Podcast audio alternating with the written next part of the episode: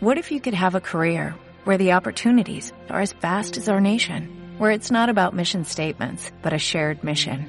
At U.S. Customs and Border Protection, we go beyond to protect more than borders, from ship to shore, air to ground, cities to local communities. CBP agents and officers are keeping people safe. Join U.S. Customs and Border Protection and go beyond for something far greater than yourself. Learn more at cbp.gov/careers. Musika idaztea arkitekturaz dantza egitea bezalakoa da. Hala uste zuen Frank Zappak. Flaubert ados legoke berarekin, kritikak irakurtzea denbora galtze hutsa iruditzen baizitzaion. Hala zioen, genero asmatu zenetik ez da sekula kritika erabilgarririk idatzi. Egileak gogaitu eta publikoa beretzeko besterik ez dute balio. Maximo Gorki ere antzera. Kritikariok ezpaten parekoa garela eta entxektu horiek zaldiekin nola, guk ere artistei bakean aritzea galarazi besterik ez omen dugula egiten zioen errusiarrak era aski gupidagabean. Zertarako orduan horren beste sasiakintzu bizkarroi, epaile ziniko eta artista frustratu gaure komunikabidetan? Zergatik ez sortzaileak eta bide batez baita publikoa ere bakean utzi behingoz? Sakonetako ondartza honetan, orengoz, ez dago lana galaraziko digun intsektu goaikarririk, eta guk ere, ororen gaindi, erabilgartasun gutxiko jarduna atsegin dugunez, horretaz jardungo dugu gaurkoan. Dantzaz arkitektura egiteaz, edo literaturaz musika. Edo tira, horrelako zerbait. Gaur, sakonetan, kritika krisian.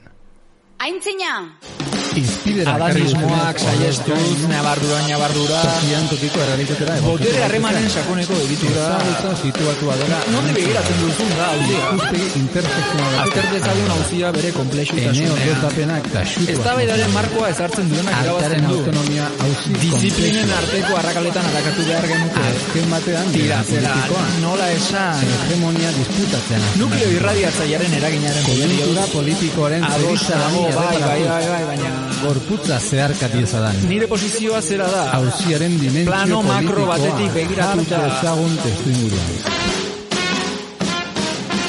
Sakoneta. Kultur monografia jasangarriak. Sakonetako parajeetan zaude entzule, hemengo malkar zabaletan kultur monografia jasangarriak eskaintzen dira pauso sosegatuz beti. Saio hau esan daukagu aitzakia bat da gure irakurketak pixka bat ordenatzeko eta bide batez gure burua ere bai. Badakizue baita ere saio hau eta basilikako besteak jarraitu nahi badituzue er- oso erraza daukazuela bilatu basilika podcast plataforma ezagunenetan edota jarrai gaitzazue Instagramen edota Twitterren. Urzerai, ze moduz? Hementxe, dotore, elegante. Ikusi dut, eh, oroz gaindi bota duzula sarreran eta ez zaizula kopeta zimurtu ere egin. Arro zaude, ezta? Nire saiakeraz. Bueno, gaur eh, beste gai nola ez, potolo xamar batekin gatoz, kulturkritika edo kulturkritikaren krisia. Bai, ala izendatu dugu, kritika krisian e, ote dagoen, galdetuko dugu geure buruari. Eta, bueno, bigarren saioa soilik denarren, ja badakizue, mm, hasieran bintzat, ba, testu mardul bati aginka egitea gustoko dugula. Eta gaurkoan, ba, bueno, Terry Egeltonen e, liburu bat aukeratu dugu, izan ere, ba, bueno, kritikaren funtzioaz edo kritikaren egitekoaz gogo eta egin izan du, ez, e, zera, Mhm. pentsalari marxista ingelesak. Eta, bueno, la función de la crítica izeneko liburua, ez? Hori izan da gure heldulekoa. the function of criticism, esan beharko dugu, bestela urtzi urrutiko etxeak bronka batako dugu. ba, gizu, jatorrizko iturriak eta gauza guzti horiek, baina bai, bai, hori izango dugu gorko saioaren erdigunea edo zera mami nagusia hortik aterako dugu, baina hortik kanpora ere beste, bueno, irakurketa txiki batzuk ere egin ditugu, ez ziur asko lendabizikoan adina, oraingoan bibliografia txikia barekin gatoz, Baina horren turke edo lau lagun gonbidatu ditugu irratsaiora eta haien kolaborazioak ere entzun izango ditugu. Denak ere beti kritikaren inguruan e, ibilitako jendea eta lau lagun hoiek dira hain justu ere Jon Eskizabel kazetaria eta Badok musika atariko koordinatzailea, Iratxe Retolaza kritikari eta irakaslea, Aizea Barzenila kritikari eta irakaslea eta Antjon Iturbe musika kritikaria. Hmm, haien laguntza izango dugu, pixka kritikaz, e, bueno, mami gehiagorekin edo aritzeko, baina hori geroxeago izango da, ba, esan dizuegunez, ba, bueno, lehenik eta behin, ba, pixka bat, alor teorikoago bati edo helduko diogulako, eta esan bezala, ba, bueno, The Function of Criticism, delako liburu horren esateko duena, edo ez, dioena aletzen saiatuko gara, e, testu mardula da, baina laburpen bat egiten saiatuko gara, ba, guri interesgarria iruditu zaizkigun e, ideia horiek, e, bueno, nabarmentzeko, ez? Hori da. Ez dugu saio honetan interesa hundirik erakutsiko, ba, ez dakit, eh, kritikariak, kritika ospin bat botatzeko daukan barne motivazioaz, edo idazleak edo artista kritika hori jasotzean hartzen duen minaz, e, bakigu elementu ere hor daudela, baina psikologismoak, horretara mugatzen diren irakurketak, ez zaizkigu interesatzen, edo, bueno, interesatzen zaizkigu, baina sakonetarako ez. Hemen, etortzen gara, mamira, eta mamia nahi dugunez, ba, bueno, kritikak instituzio gisa, igeltonek hori aletzen du bere liburuan, ez? E, izan duen bilakaera, beti galdera handi batetik abiatuta, ez? Eta galdera handia da, zein da kritikaren funtzioa, mhm. kritika zertarako. Eta bera galdera horretatik abiatzen du liburua, esaten duelako, hain justu ere, gaur egun kritikak ez daukala funtsiezko funtziorik. Ez daukala funtzio sozial garbirik, batetik dela kultur industriaren harreman publikoaren parte, nola baita esateko, edo bestela mundu akademikoaren nauzi pribatu bat nola bere burua zilegi iztatzeko balio diona, ez? Baina hortik kanpora kritikak ez daukala, ez daukala funtzio garbi bat, ez? Hori da bere premisa eta hortik abiatzen du bere, bere liburua, ez? Orduan, ba, bueno, hauzitan jartzen du, zergatik jarraitzen dugun kritika egiten deus gertatuko espalitz bezala, ez? Eta berak bi hipotesi plazaratzen ditu, edo batetik, edo instituzio kritikoaren krisia ez da hain sakona izan, edo bestela ez daukagu kontzientzia garbirik instituzio kritikoa krisian dagoela, edo iskin egiten ari gara balizko krisi horri ez. Nola diteko simulakro batean hariko agina bezala, ez? Denok eh, kritikarekin aurrera eginez, deus gertatuko bezpalitz bezala, eta bien bitartean instituzio kritikoa. Bere izateko arrazoi e, historikoa erabat galduta daukan une batean, ez? Mm. Eta hori, kontuan e, hartu behar dela, bon, liburu hau duela berrogei bat urte e, mm idatzitakoa dela, ez? Orduan, bueno, azken berrogei urteotan ere, Ba, bueno, gauza gertatu dira noski, baina bere analizia oraindik ere garaikidea eta egokia irutu zaigu ba, 2008 batean ere kritikari buruz e, aritzeko, ez? Egeltonek egiten duena, bizkada, mm, ibilbide historiko bat, ez? Kritika sortu zenetik, e, gaur egunera arte, ba, izan dituen gora berak eta garai bakoitzean e, izan duen egitekoaren inguruan, ba, bueno, bere iritzia emanez, ba, e, aipu eta referentzia askorekin, eta bueno, ikerketa lan e, sendoa. Hasiera batean, ez, berak behintzat, estatu absolutistaren kontra sortzen den zerbait bezala hartzen du kritika, nolabait, estatu absolutista horren kontra, e, eta estatu burgez liberal baten sorreran ezinbestekoa den esfera publiko baten sorrerarako eh, herramientatzat hartzen du zera, ez? Kritika bera. Horrekorrean, bueno, kritika literarioari buruz ari dela, mm ez? Esan genezake. Mm Habermasen esfera publikoaren kontzeptua darabil berak, ba, nolabait, arrazoia gaientzen den egoera berdinzale baten e, izenean, ez? Bizka bat, mm hori da kritikaren sorrera, ez? Nola baita. Hori da, hori da. Berak kritikaren sorrera kokatzen du amazazpigarren mende amaiera, emezortzigarren mende hasiera inguru horretan ingalaterran. Eta, zuk esan duzuna, e, kritika neurri batean sortzen da estatu absolutistaren kontra eta gero nabardura bat egiten dut, eta nabardura hau interesgarria iruditu zait, ze ez da kontra sortzen dela baizik eta estatu absolutistak uzten duen espazio bat okupatzen du burgesiak, ez? Ez da enfrentamendu zuzen baten bidez sortzen den zerbait, baizik eta eremu kontsentsuatu samarra da. Zirrikitu horretatik sartzen da kritika eta hor ja sortzen da lehen existitzen etzen zerbait eta esfera horrek ja bizitza propio hartzen du nolabait esateko eta estatu absolutistaren eh, esan dezagun joko arauak balin baziren autoritatezkoak ba, batean sortzen den esparru berri horretan joko arauak ja ez dira autoritatezkoak baizik eta arrazoizkoak eta arrazoi unibertsalaren gainean eraikitzen da esparru berri guzti hori, ez? Bada holako zerbait, ez? E, kritikaren sorreran esan duguna kontra bai, baina kompostura kaldu gabe edo, ez? Ba, hmm. zirrikitu hori aprobetxatu, okupatu eta aiba, konturatzerako Ei, hemen zerbait sortzen ari gara, ez? Eta hau ez da lehen zegoena. Eta beti ere, gainera, kritikariaren e, egitekoa delarik e, gizarteak idatzea edo, ez? Ez da inoiz nola baiteko eztabaida publiko e, anitz bat edo, baizik eta orokorrean jabe handiak dira, ez? Eta dirudunak eta bueno, burgesia klase berri horren figura importanteak dira, e, kritikari lan horiek egiten dituztenak eta beti ere gizartea ezteko eta gidatzeko helburu batekin, ez? Hori ere, pixkat nik uste azpimarragarria dela, ez?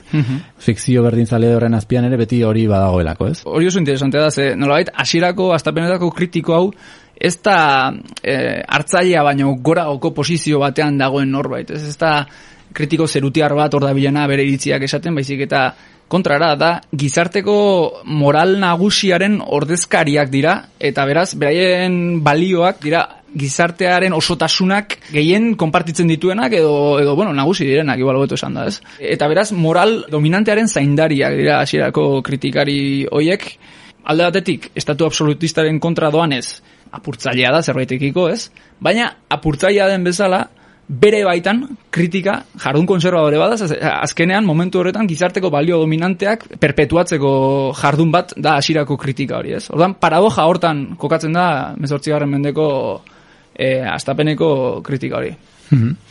Gero, ni uste torrere garrantzitsua dela nola aipatzen duen artisten e, nolakotasunean ere garrantzitsua da, ba nola mecenazgotik merkatuaren sarrera ematen da hor, ez? Ba kulturaren baitan eta artearen baitan, ba merkatuak papel protagonista bat hartzen du, ba gizarte liberal burges berri horretan eta balizko esfera publiko hori igeltonek dio, ba nolabait ja bere funtzio hori galtzen doala, ez? Eta klase gatazkak e, bueno, bere ondorioak eta bar, ba nabarmentzen doa zela gizartean eta kritika agerikoki politikoa bihurtzen da, ez? Mm Osea, kritikak ja egoera konkretu bat legitimatzeko funtzio horretaz gain ja nolait posizio politiko eh, evidenteetatik egiten dira eta funtzio politikoago agerikoago bat e, betetzen dute, ez? Bai, era bat, hori da, hain justu, nolait kritikaren bilakararen urrengo pausua, ez?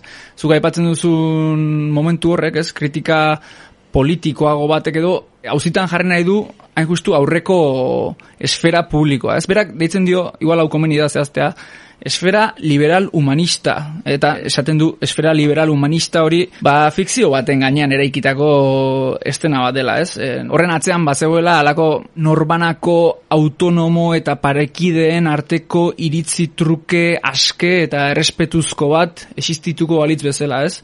Eta eta ulertzen zen hor persuasioa ez ez leia bezala edo ez interes desberdinen arteko talka bezala, baizik eta kolaborazio ekintza bezala, ez berdinen arteko kolaborazio ekintza bezala eta eta erroko zapalkuntza oro omititzen zen eta eta injustu fikzio hori posible zen zapalkuntza oro omititze horretatik bakarrik, ez? E, claro, horretarako operazio mental bat egin behar da, eta egiten dute disoziazio garbi bat, ez? Alde batetik dago politika, eta bestetik dago ezagutza. Eta politika eta ezagutza, bi gauza radikalki desberdin dira, ez? Eta operazio horrek baimentzen du, ba hori ez, aipagai dugun arazoi unibertsalean gidatutako e, zera zabal hori existitzea, ez? Baina, zuk esan duzun bezala, hori erori egiten daune batetik aurrera eta beste fase batera iristen gara eta zergatik ba injustu bi motibo batik okerrez banago, ez? Bi motibo batetik e, motibo ekonomikoa eta bestetik motibo politikoa. Ekonomikoa da merkatua, ez? Sartzen dela gero ta indar gehiagorekin eta politikoa da eta esfera publiko horrek omititzen zituen e, klase eta bestelako gatazka oro azaleratzen hasten direla eta ba insosteniblea bihurtzen dela neurri batean fikzio hori. Mm Bai, eta hor Egeltonek aipatzen du kontraesfera publiko kontzeptua, ez? Eta esaten du, ba, bueno, garai hartan antolaketa e, obreroaren eskutik eta bestelako komunikabide eta lakoen sorrera e, ondorioz, ba, bai sortu zela kontraesfera publiko delako bat, ba, beste untzio eta mm, zutabe batzuekin e, eraikia eta posizio politikoak e, e, nabarmentzen diren une horretan, ba, hori sortzen dela, ez? Urrengo fase batean edo, ez, historiak aurrera eginala, bueno, aipatzen du letretako gizonaren figura, ez? Bueno. Nik esango nuke aurrez beste bat dagoela. Badago, ez, zuzen zu kontraesfera publiko hori nun langile klasea edo sartzen diren hor eta beraien interes politikoak esplizitatzen dituzten eta bar, hor ulertzen da e, kritikaia ez da konsenso baterako jarduna, baizik eta hor da gehiago borroka politikorako tokia, ez? Baina horren ondoren esango nuke datorrela hirugarren jira bat eta azaltzen azaltzen dela figura berri bat eta da e, meretzi garmendeko jakintxua deitzen diona berak ez. Kritika eta literatura borroka politikotik erreskatatzera datorrena ez. Eta nolabait e, honek bai aurrekoak ez bezala, hasierako kritikariak ez bezala, honek badauka ja posizio neba duzu zerutiarrago bat edo hau ja gizarteko moralaren zaindaria, baizik eta bere esanak nasko ere apela ezinagoak dira, edo asko ere posizio goitiarrago batetik dator, eta nolabait bizitza sozialari bizkar eman da bizi da, ez? Osea, hau bai izango litzateke ja marfilezko dorreko kritikariaren gorpuztea. Eta horren ondoren esango nuke bien arteko fusio moduko bat dela letra gizona deitzen dion hori. Mhm. bai, bueno, bintzat eh, oso interesgarria iritu zaidana da, nola eh, aipatzen duen nolabait kritikari eredu konkretu bat, dena uztartzen dituena erudizio teknikoa eta balizko humanismo orokor bat, ez? Eta hori bai, dala, asko iraunduen e, eredu bat, ez? Eskatzen zaio, ereduzio tekniko bat, nolait klase gatazka horretatik eta IES egiteko eta bar, nolait akademian e, e, gotortzen da, ez? Kritika puntu batean, eta eskatzen zaio oso zehaztasun handi eta teknika handi egindako analisi batek, ba horri es, e, iskin egingo balio bezala, ez?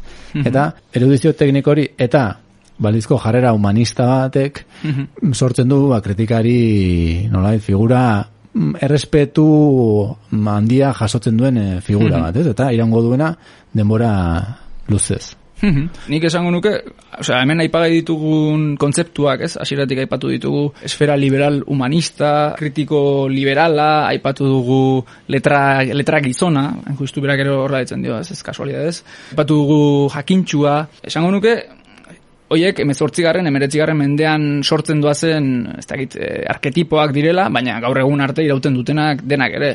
Eta are gehiago, gaur egun ere, debate asko, oraindik ere ematen direla, eh, esfera publiko liberal humanista horren fikzioaren barruan ere. Oraindik badago, eh, gauza batzuk gertatu espaldia bezala hitz egiteko joera bat, ez? Eta eta hori, kontzeptu guzti hauek, ia duela bi irumendekoak izan arren, oraindik ere oso, oso indarrean daudela, ez? Mhm. Gero, historian aurrera eginala eta salto batzuk emanez, irurogei amarkadako nolabait eh, mugimendu kontrakultural, esker berria eta bueno, hor, buelta hor, inguru horretan eh, bildu genitzazken hainbat korronteren eh, eskutik, itxi zen baita ere mm, bestelako kritika bat, eh, ba, bueno, lehen aipatzen zenuen humanismo liberal horren eh, horrek eskutatzen zuen horri kritika bat, e, ikuspegi teknokratiko zera bati eta balizko razionalismo objetibotasun hori kolokan jarriz, ez? E, ba, alakorik ea posible den ere kolokan jarriz, eta baita ere hemen interesgarria da nola eh, esaten duen Igeltonek e, kritikaren funtzioa kolokan jartzen denean, literatura asko sortzen dela kritikaren inguruan, ez? Agian saio ere horren seinale da, ez dakit, baina ez, garai hartan ere asko bueno, bai kritikariaren funtzioan, baita, bueno, ingu, nolabait gai hauen inguruan e, asko pentsatu eta idatzi izan zen. Eta lehen e, sortu dugun e, humanista gehi tekniko arketipo hori pixkat hausten da. Eta hortik aurrera dio egeltonek pixkat kritikak posizio marginal bat e, lortzen duela ez? eta bi aukera planteatzen ditu ez? Direla humanismo radikal bat. Eta bueno, ba, teknikoki oraindik ere zehatzago eta nola metodo analitiko ikaragarri zehatzak, ez? Eta berak dekonstrukzio horren guztiaren ondorio dio, eh, nire gustatu zain dena esaten duen, dena hautsi eta era berean dena berdin berdin uzten duel, utzi zuela, ez? Fenomeno horre guztiak, irurogei iruta marra markadako, eh, bueno, gertaera hoie guztiek, baina hori bai, kritikaren eta funtzioa pixka bat ja oso erren eta kolokan utzita. Bai, e, inguru hortan gainera beste kritika bat ere botatzen du Igeltonek eta asko asko interesatu zait zedan Geileko eskolari eta Frankfurteko eskolari egiten dien kritika bat, ez? Egozten die bi eskola hoiei e, beraien jardun kritiko guztia oinarritzea disoziazio batean. Alde batetik balego bezala idazketa eta bestetik ideologia. Ez? Bi gauza erabat radikalki desberdinak izango balira bezala, ez? Berak esaten du, e, bai Yaleko eskolarentzat eta Frankfurteko entzat, etxaia ez da politikoa, baizik eta ideologikoa, ez? Baina, ezin da oposizio binario bat ezarri, alde batetik ideologia eta bestetik e, idazketa. Ezin da ideologia bera ere ulertu zerbait itxi bezala, bere baitako identitate perfecto bat e, edukiko balu bezala, ez? Eta, hain justu esaten du, oposizio hori desera ikitzeko ezintasuna bera da, oposizioaren beraren izaede ideologikoaren erakusle. Ordan, niri ideia hori asko interesatu zen. Idazketa eta ideologia bi gauza bereizi eta erabat radikalki desberdin bezala ulertzea, bera posizio ideologiko bat dela e, dio igeltonek, ez?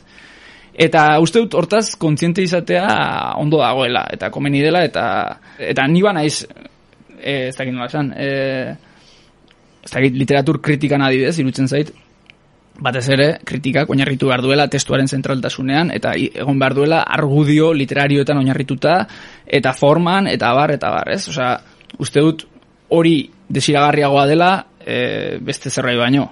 Baina ala eta guztiz ere, e, hortaz kontziente izanik. Bai, ados.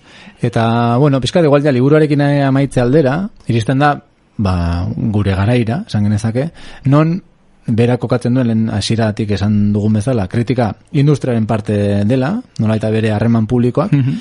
edo e, nolabait akademiako eztabaidagai e, baina gizartearekin inungo zerikusirik edo lotura edo bintzat eraginik ez duen e, e, egiteko bat bezala eta era berean ez dago kontrasfera publikorik. Bai egia da etortzen diola feminismoari e, nolabaiteko indarra kontrasfera publiko bat e, sortu ahal izatekoa eta hori dio garaia hartan ez? Gaur egundik agian hori Bai. ere ikusi genezake.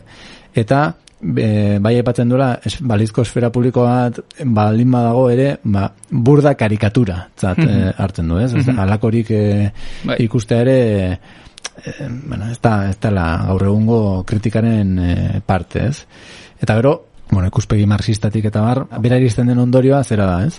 Gaur egun, zer egin behar du kritikak, berriz ere funtzio bat, egiteko bat izango badu, eta hori da, ba, lehenago estatu absolutistari kontra kakotxen artean bada ere eginten zion bezala, ba, gaur egun estatu burgesari egin, egin marko liokela kontra, edo alternatiba proposatu. Hori da? Hori da, hori esaten du, eta esaten du hori egingo ez palu, etorkizun beltza sumatzen diola kritikari, ez? E, berak misio handi hori jartzen dio bukatzeko kritikari. Gaur egun, estatu burgesaren kontra egin marko lukela. Claro, gadera da, irakurritzen duzu, eta galdetzen duzu, eta hori nola egiten da, ez? Ba, ez dakigu, baina, bueno, baditu beste testu batzuk, ondik nora joote genezaken edo petxatzen jarraitzeko, baina agian hobi izango da kanta bat jartzea jarraitu horretik, ez?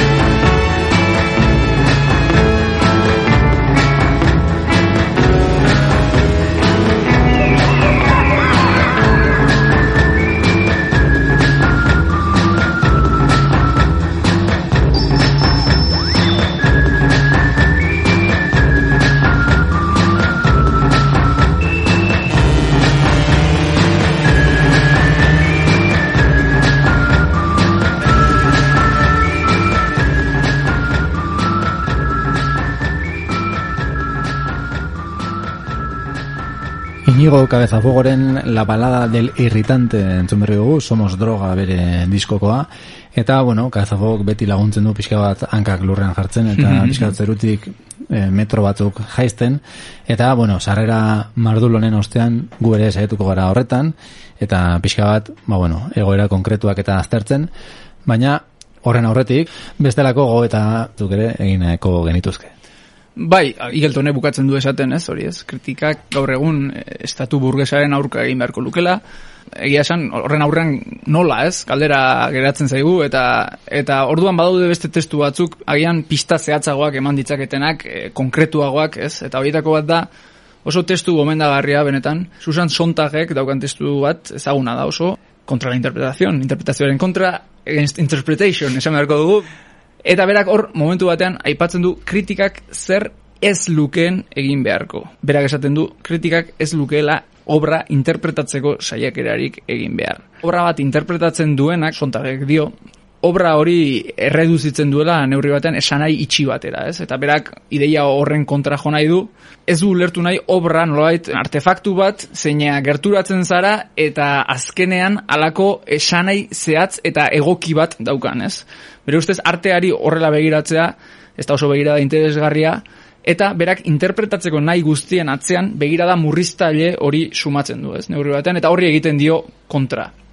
Eta berak dio, hermeneutika baten beharrean, behar dugula eh, artearen e, Erotika, eh? erotika, hori da, Mm. esaten du. Eta zer da artearen ero- erotika sontagentzat, ba, nolabait gure zentzumenak berreskuratzea, e, alako birjintasun batekin gerturatzea artelanaren gana, zentzumenak inoiz baino irekiago, eta ez saiatzea horri esanai bakar eta eta azken bat ematen, baizik eta deseraikitzen neurri batean, lehendik e, barrenatuta dauzkagun eskema mental zurrunak, ez? Berak hortik, esaten du, kritika benetan interesgarriak, gaur egun hortik jo beharko lukela, formari askoz gehiago erraparatzen edukiari baino. Eta horrek gogora dit Picassoren aipu bat duela gutxi irakurri nuena, eta esaten du, e, artistaren helburua ez dela natura imitatzea, baizik eta naturak sortzeko daukan modua imitatzea. Ez? Eta, eta ez dakit, uste dut, bueno, pista interesgarriak ematen dituela, kritikak ze, ze ikuspegi har dezaken edo nondi jo dezaken esaterakoan, ez? Mhm. Bai, bueno, sontaje, zera, zentzumenetara itzultzea, ez? E, gomendatzen du edo, ez? E, zentzumenetatik irakurtzea obra artistiko bat. Eta kritikariari gomendatzen dio, ez? Edukiari buruzkoak formari buruzko iritzietan disolbatzea, ez? Nik hori azpimarratu nuen. Nik uste eztabaidagarria ere izan daitekela, ea modu hau izan daiteken Igeltonek proposatzen duen e, nolabait kritikari funtzio berri bat edo garaikide bat emateko bidea, e, edo ez, edo ez bakarrik, edo ez dakit nik uste mm, gehiago ere aipagen ez dakela, eta joango garela aipatzen, poliki poliki. esan nahi. Bai, nik uste dut, eh, alare sontajen testu hau, eh, testu inguru zehatz batean ulertu behar dela, une batean nun eh, artearen gaineko, hori ez, eh, interpretazio oso, ez dakit nola esan, eh, zurrunak edo arteak barnean eduki dezakeen mezuaren gaineko begiradak nagusitzen diren une batean, ulertzen dut bere testu hau dala, datorla neurri batean, horri kontrapisu moduko bat egiteko esateko, ei, Hmm. hau ontatik asko daukagu bereskura dezagun bestea, ez? Hor, nik hor ulertzen dut, eta, bueno, uste dut gauza interesante asko daudela testu horretan, e, baina bai, bai, esan nahi dut, e, beste bideo batzuk ere egon daitezkenik ezin nuka, eta eta berak ere aipatzen dut testuan, eh? interpretazioa bera ere, segun ze testu ingurutan, izan daiteke Hmm. e, tresna interesgarri bat arteari begiratzeko, ez? Baina berak esaten du, gaur egun, ez ez. Bueno, esan dugu, ez? Ba, kritika zertarako, ez? Hori da pixka bat, gaurko, gaurko gaia.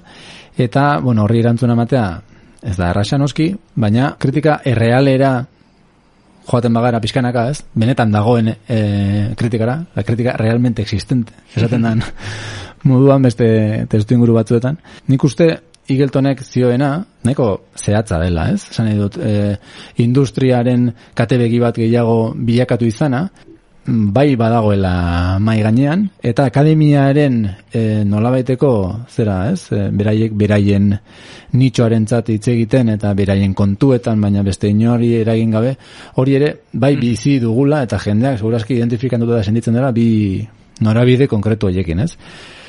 Kontua da gu baita ere kritikari bezala aritu izan garelako eta bueno, eta kritika kontsumitzaile bezala, ez? Edo bueno, interesa dugun honetan Ez dakit nola bizi dugun dagoen kritika Ja. hori, edo egin izan duguna, eta horri buruz gogoetarik egin dugun Igeltonekin jarri aurretik, edo ez dakit. Nik hor, bere, bereiziko nituzke bi gauza. Batetik da eh, kritika prentsa genero bezala, edo eta kritika modu orokorrago batean, ez? Orain ari garen bezala. Igual pixkat hortik gatoz eta goaz bestera pixkanaka, ez? Baina kritika bere zentzurik zabalenean ulertuta, niri gustatzen zait ulertzea eh, kritika, ez da nola esan, eh, arte obrekiko elkarrizketa etengabe bat bezala, ez? Esfera publiko horretan arte obra bat agertzen den bakoitzean, horren inguruan sortzen den elkarrizketa e, luze bat bezala, ez? Askotan kritika lotzen da epaiarekin, ez? E, zerbaiti buruzko e, juizio bat ematearekin, ez? Hau ona da, txarra da, edo abarrez. Hori noski hor dago, baina kritikaren nozio zabal honetan, uste dut badirela epaia baino zeregin garrantzitsuagoak dituela kritikak. Kanonak aztertzea esate baterako, ez? Arte lan bat e, bere aurrekariekin lotzea. E, arte lanen arteko historizidade bat eraikitzea. Artelan hori hobeto ulertzeko klase guztietako pautak ematea. Ez da ulertzea kritika nolabaiteko e, zirrikituak estaltzen dituen masa bat bezala, ez? Ez, ez ulertzeko artelanak direla txampiñoi solteak hor ateratzen direnak eta bakoitza gainera zer eta originalak direla, ez? Hori da beste ideia bat, ez? Originaltasunarena, ez?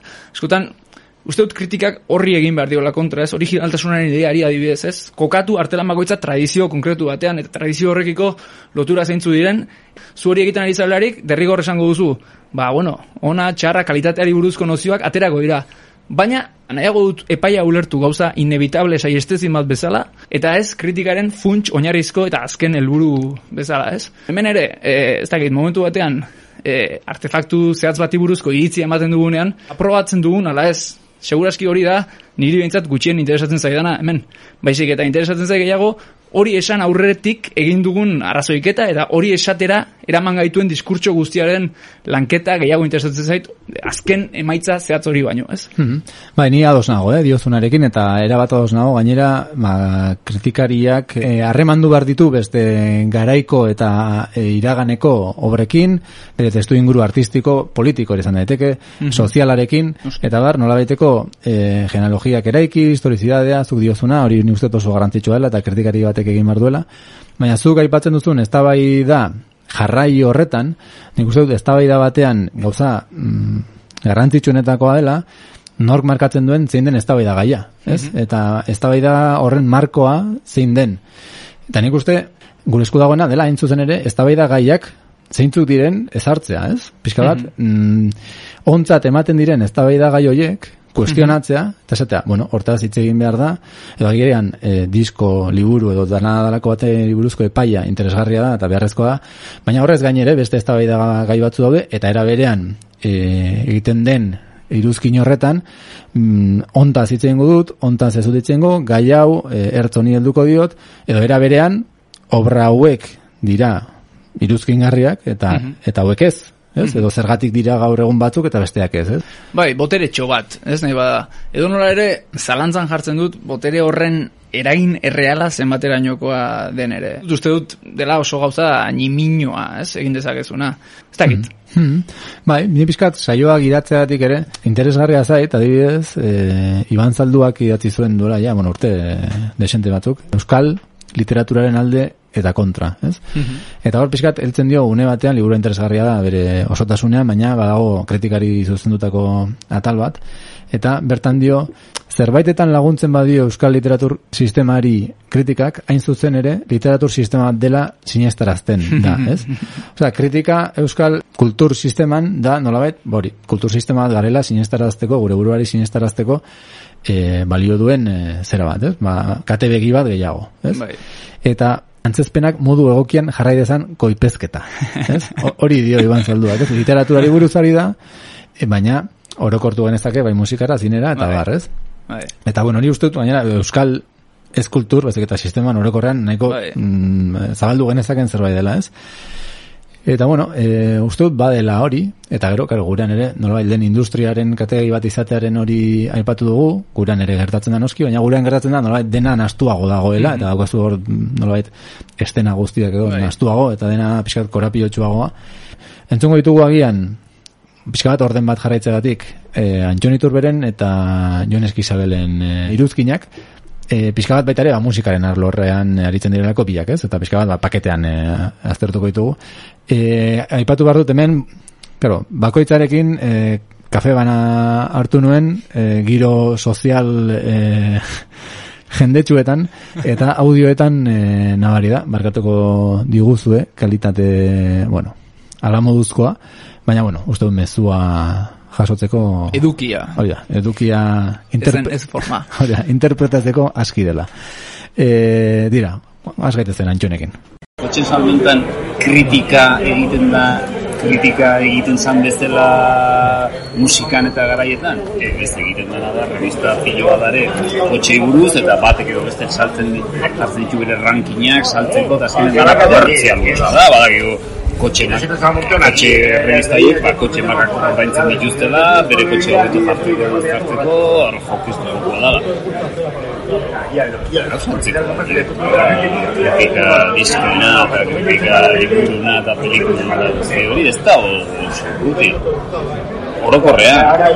Egia da, nik e, euskera, euskal herri mailan eta mus, euskaldun musikaren inguruan, edo euskal herrin egiten da musikaren inguruko gazetaritza, kritika, e, liburuak eta gauzak, ni barru, ni barne, por supuesto, flojos amarios konparatuta beste herri bat bueno, batez konparatuta Inglaterrakoa, Desorebetoetakoa Etzako referentzia gehiago diena Baina agian ere mm, gutxi gara ere bai eta eta hitz egiten ari gara Olabe ba, gigantetaz, ez? E, Kriston tradizioa daukatena musika munduan eta kritika munduan eta jende asko eta ba, azkene ba, ba, ba kantidadetik ere kalidade ateartzen da ere bai, ez? Ba, adibidez, musika elektronika munduan eta horrela adibidez e, mugako festivaleko inditzu dezan dituen da, eta horrela baita lantzen duen pixkat prensa zea eta prensako jendeak akreditazio eskatzen zituen eta hola, eta irakurtzen zituen indako testuak, benetan zian, BGB, favoritos, idaztitako mailakoa, ezagutza zero, eta, eta bueno, ze kronika bat adibidez iazko mugakoa, hitz egiten gehiago ze pintxo jantzituzten gazteizen, konzertu baino, eta ez dakit, ja, kakas, boaz, boaz, boaz, eta azkenen desprestigia, bai, lana, eta gero gaina horrek, e, horreko ere eramaten gaitu e, gauza batea, dana dirurik ez da hola, dirurik ez da ordaintzen, ez da ordaintzen egin bat, dedikatu zin, dedikatu behar da, benetan behar duen dedikaziokin eta lanakin eta ikasketakin egitea. Ni personalki, gauza funtzionatzen duten moduan gaur egun eta e, autu hori hartzen dut nola bai. Itz egiten dut bakarrik usatzen zaizkidan gauzataz. Bai noski nire zean, no, noski, zergatik, zergatik noski ere, baina bueno, nire zean, nire fanzinean uninen, baitere kolaborak egiten ditu da kolaborazioetan, eta sonoron, edo berrian, edo badokean, edo simplemente esaten baldin badiate kritika bat egiteko disko baten gustatzen zaidana edo ez egin ez dut egiten ez dut egiten ez da behin pasaziaten bat ez esango izena talde baten Euskal Herrikoa eta pasanion kritika bat aderetza, txarra, baina bueno ez nion, egi jartzen eta esaten nion baina bueno, gozatuko goetzu zitxezkela eta ez da jartzen hon eta ziaten publikatu Osea, medio que esan zidan Igual, ez da publikatzen, ez que jendeko oso gaizki hartu nahi gozo, eta ba, konstruktiboa da, baina jende gara gaizki hartu nahi, bueno, ba, nahi zen bezala. Ja, urrundik aurrera ez da kritika ja, behi. Kuratorial lan horretan, zentzako adibiz, gizartean ere bai, zuk erosten dituzun gauzakin, nolabait ere egiten duzu aukerak eta politiko bat erosten dituzun gauzak, zein erosten dizkiozun, eta antzerako zerbait ere egiten dezun aukeraketakin bakarrik mundik anputin zaitu zure horrekin ja ari zera nolabait zure postura bat eta zure zea bat ematen eh? zure postura politiko, sozial eta ekonomiko ez dakit politiko bat azkenean ematen horrekin ere bai ez? Orduan e, eraginkorra izan daiteke. Eraginkorra izan daiteke, lotuz pixka eta zion esaten izun horrekin, ez? E, eta agian hortikan bai, askoz eskema zaharra aldatuz eta gehi honetara, honetara joanez, agian bideotatikan bai, eta pixka dana boro bilduz, bai, kritikak izan dizakela paper eraginkor bat, ez? Gaur egun, sozialki gizartearen inguruan benetazko eragin bat izateko agian aukeraketan izan bartzerak gai manipulatzeko, manipulatzeko ez, eh, eragiteko, e, mugitzeko ez, aukeraketa horretan, aukeraketa horretan dago indarra. Algoritmo horren aurkako eh, beste bat eh, humanoa, edo negozioa, edo pentsatuagoa, edo orientatuagoa, politikoagoa, ez zera jarri pertsonalagoa, baina askeagoa ere bai. Hortikan, hortikan zirrikit, nik hortikan ikusten dut zirrikit. Tira, hauetxek eh, Antxon Iturraren hitzak, Zumarragako Uts tabernaren eh, alboan hartutakoak. e, eta bueno, e, elkarrezketa luzeagoa izan zen, bueno, hemen gure iza lan handia onda. Baina tira, hemen bost e, aipu edo bost e, zati hartu ditugu, da nik uste ematen duela, antxonek esan dakoak ematen duela, hainbat iruzkin egiteko, ez? E, nik lehenik eta bain ipatu neko nuke, orain pixka musikaren lorrean sartuko garen, ez? Tira, musikak badaukala beste artea adierazpidek ez duten zerbait, edo bintzat gehiago duen zerbait dela, nola baiteko oi hartzun soziala eta zenbait fenomeno sozialekin e, lotura, eta pixkat musika bizitzeko modua ere ez delako, segurazki zinea, edo literatura bizitzeko modu bera, ez? Pixka bat introspektibo edo individualagoak dira beste adierazpide horiek edo ala izan ala hartu izan dira eta musikari egotzi izan zaio bestelako ezaugarri batzuk izatea, ez? Ordan hori horrek egiten du pixka ezberdina egin batean ikuste, baina baude baude alde komun batzuk, ez? Lehenengo entzun duguna, ez, kotxen salmentarena, nik uste oso modu agerikoan e, planteatu duela arazoa, eta gaina, esango nukenik, musikaren alorrean e, dela, segurazki, adierazpide guztietan evidenteena eta e, ez dakit kezkagarriena, baina bai besteetan baina argiago ikusten dela, ez? E, disko kritikak, zer bilakatzen diren, e, jaialdianetako kritikak, zer diren, azken finean, ba ote den harreman publikoetarako obra bat gizarteratzeko industriatik zuzenean hmm. ba, nolabaiteko filtro zilegiztatzen duen e, filtro bat ba, bai. gizarteratzeko, ez? Bai, kritika preskriptiboak nola hmm. ez? Hmm. Bai, eta hori, pixka bat, nik uste oso agerikoa, modu agerikoan e, planteatzen duela, ez? Nik hemen, e, epatu nahiko nuke, oren gutxi Nando Cruz da, zagutuko duzu egian entzuleok, E, segurazki musikaren alorrean Espainiar estatuan dagoen gazetaririk e, finenetako bat. Batez ere beste alde batetik heltzen dielako gauzei askotan.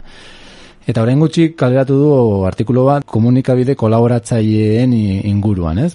Gaur egun izan ere, jaialdi askok, bauzkate komunikabide kolaboratzaileak, ez? Zan edut, ez dakize jaialdiaren komunikabide kolaboratzaileak dira hau, hau eta hau.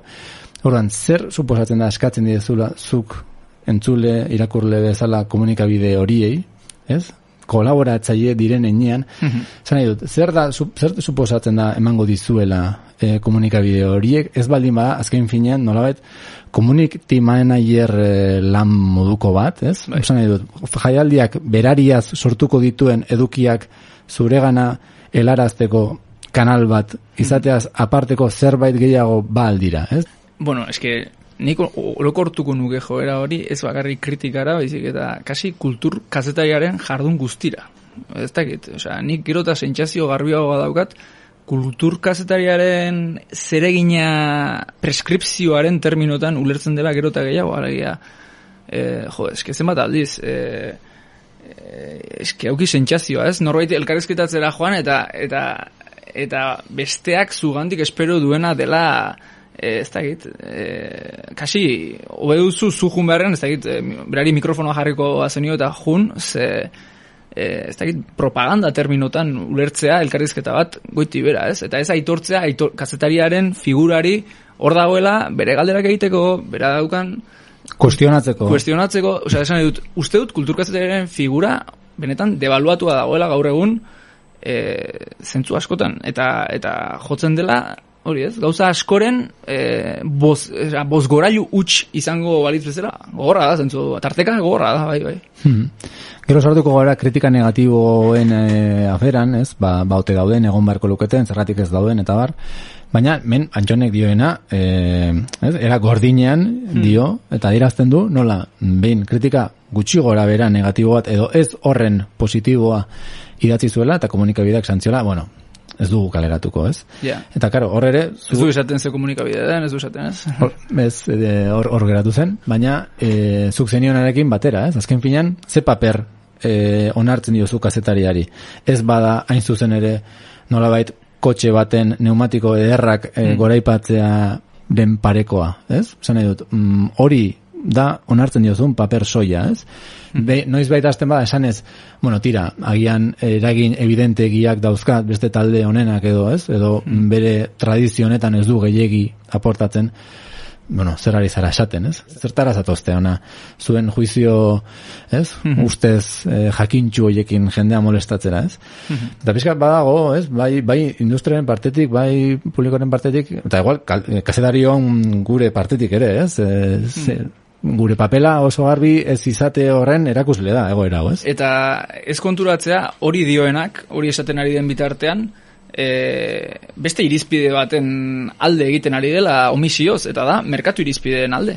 Ari zara esaten, kultur industriak e, den aurrean dagoen filtro bakarra merkatuarena izango dela, eta merkatuak e, daukan e, iris almenaren araberakoa izango dela, e, ba hori ez, artefaktu kultural baten e, etorkizuna. Ari zara hori ontzat jotzen eta marko horretan funtzionatu nahi duzula esaten. Ze hortik kanpo dagoen figura gutxienetariko bat gaur egun da kritikariarena. Hori Igeltonentzat ere apenas izango da simulakro bat nahi baduzu. Baina mintzat zerbait da, ez? Eta hori bera ukatzea da merkatuaren legetara errenditzea erabat.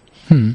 Bai, eta horri ere heltzen zion pixka bat eh, Antxonek amaierako zea, ez, hitzartzean, pixkat kuratorial eh, delako hori, azken finean delako kritikaria izatea, zilegi zat hartzen dugu, berak esatea, bueno, hau interesgarria da, hau ez edo bestea, ze izan ere, merkatuak ez badu egiten, e, merkatuaren esku geratzen baita, gaur egun beste agentea hori egiten duena, delako, badidez, musikaren kasuan, Spotify, edo YouTube, hau gustatzen bat zaizu, beste hau gustatuko zaizu, Bueno, merkatua. Bai, azken finean hori da, ez? Bai. Eh, Spotify, e, paiolak eta daude, eta argi dago, ba, zerrenda hoietan agertzeko e, ba, diskografiken eskuartzeak eta daudela, eta balizko demokratizazio hori ekarri zezakena internetek bilakatu dela, azken finean, bueno, batetik badago askotan komendatzen den hori, ez? Gaur egun mundu guztia da kritikaria, eta orduan kritikariak ere bere rola oraindik ere mm, gehiago galdu du, ez? Edo bere garrantzia, baina gero, azken finean, e, gomendatzen duena, mm, merkatua bera da, ba Spotifyren bitartez edo esaten duena, ez hau gustatu bazaizu, ba mendaukazu zerrenda bat, gainera, ba bueno, hildo horretako musikarekin edo YouTubek edo ba, eta azken finean geratzen zara eh hoien esku eta jo, kritikaria da, soi, ja, soiek humanitate kontu batengatik bakarrik, ba, pertsona bat esango dizuna, Ostras, ba, ez, merkatuaren uolde honetatik, bizka bat, esku gizatiar bat, esango dizuna, bueno, nik bintzat diot, e, ba, igual hau ez dela horren besterako, edo hau badela, eta naiz eta ez dena gertzen inungo zerrendetan. Bai, bai, bai, bai. Bai, erabat, erabat. Eta askotan ere, eh, kritikariari berari ere kosta egiten zaio merkatuaren logika horretatik ateratzea, eh? esan dute. Baina egia da, behintzat hor dago zula figura bat, eta hori gutxi estea iruditzen zait, eh, benetan, bueno, en fin. Gero, adit, musikaren kasuan ere gertatzen den gauza bat, nahiko agerikoa, gu generazio berekoa gara, eta nik uste, guk ere gure aragitan bizi izan dugun zerbait dela, ikustea, aurreko generaziokoek nola, adibidez, beneratzen zuten nolabait eh, rock deluxe eta alako publikazioak eta edo bestelako batzuk, edo, bueno, azken finean hemen ere eh, egunkari askok bazuten bere gehigarria musikarien inguruan eta orduan hori jaitsi egin da eta lehen diskoa erosterako orduan gomendio emango zizuna bazegon kritikari bat fidatuko zinena referentziala edo gaur egun alakorik ez dago Euskal Herrian are gutxiago. Ni uste estatu batuetan eta jonek zioen bezala eta Inglaterran eta badela, eta incluso YouTubeen eta bar eta ez, sare sareetan eh, webgune referentzial batzuk jendeak badituenak, baina gurean erabat Ez dago, baina baita ere baldintzen gatik, ez baita ere, osea, zenbat ordaintzen dira kritikak. E, gaur egun e, prezio horren truke zein dago prest horrela aritzeko Are gehiago, e, zein dago prest gustatu eta gauza bati buruz e, idazteko. E, hori guztia hor dago, ez? Eta ibone gaina dauka liburu bat honen inguruan, uste dut bere tesi doktoralaren nola egokitzapen bat dela. Izan du, izan gabe denaz, eta aztertu zituen 2000 irureun kritika. Eta, eta ondorio atera zuen 2000 irureun literatur kritika horien euneko laro laua baikorra zela, ez? Kar, horrek atzean zer dauka, pues, garbi dago, ez? E, nahiago dela isiltasuna e, kritika negatibo bat idaztea, idaztea baino, ez? Nik ezakit horren konponbidea zein izan daiteke, nik gogoratzen ez, bere garaian musika kritika egin nituenean berrian, libre uzten zigutela guri hautatzen. Azuri pagatzen badizute kritika goitza amabi euro. Eta gainera e, libre utzi, ba, joera daukazu, entzun duzun diskoaren gaineko iruzkin bat egiteko, eta entzun duzun diskoa entzun baduzu, da, seguraski gustatu zaizulako. Nola ematen zaio horri buelta? Ez dakit, zein da konponbidea? Jartzea, e, nolait, kritikariari obligatzea alako agenda bat, eta eta derrigor e, liburu zehatz batzuei buruz bai ala bai idatzi behar izatea, ez dakit, hori ere zilegi den, ze kritikariak orduan igual esango dizu banik ez dut nahi. Oso zaila ikusten dut horrin buelta nola eman dakioken pentsatzea. Hmm. Ba, nik uste prekarietatearen e, afera ere garrantzitsua dela, eta paper garrantzitsu bat jokatzen duela kontu honetan. E, nik ne, lehen pertsona nitze egiteatik, noiz bai leporatu izan didate, baina zuek ez duzu inoiz idazten kritika negatiborik, hmm. ez? Claro, ni hor jarri nintzenean, ez? Pixkat kokatu nintzen lehen zu kokatu zaren posizio antzekoan, ez? Bueno, nik hau zen nire hogi bidea. E, niri honegatik ordaintzen didatena, ordaintzen didatena da, eta nire denbora libran egiten dut.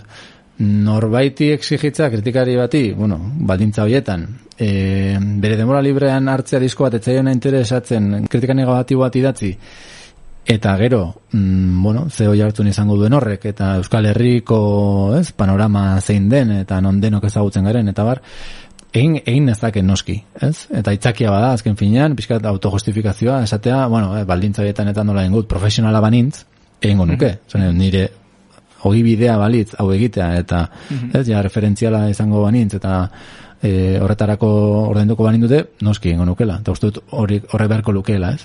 Nor sartuko da saltza horretan, ez? Mm. Oso, oso mm. zaila da hori eskatzea, ez? Eta nik uste, orain, igual pizkat pasoa mategatik, e, Jones Kisabelek pizkat afera hori ere, horri ere heltzen diola. Eman, eman. Onaino kritika krisian saioaren lendabiziko atala. Laster argitaratuko dugu bigarrena, beraz badakizue, adi egon. Eta jarrai gaitzazue sare sozialetan edota podcast plataforma ezagunenetan.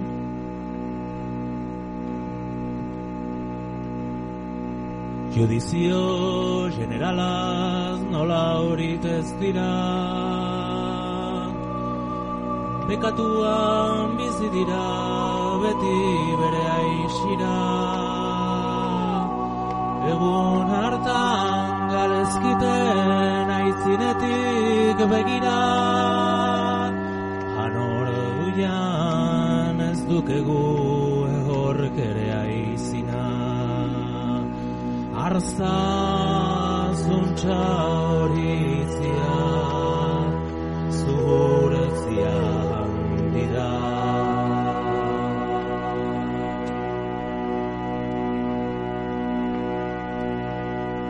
Manamendu igorten du mundu guztietarik Jende oro bat Josafaten bildurik Egon ere horrere eskapatu gaberik Zeru eta lor guztia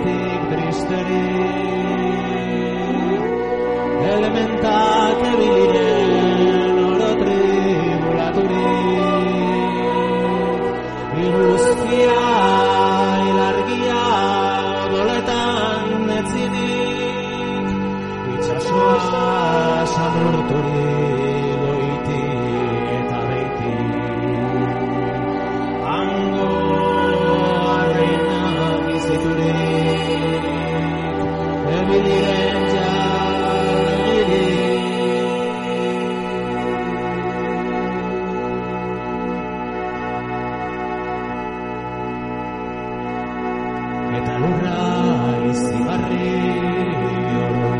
garaturi zuhamiek dakartela bolezko izerdi tempestate zigortzi gaire oro samurri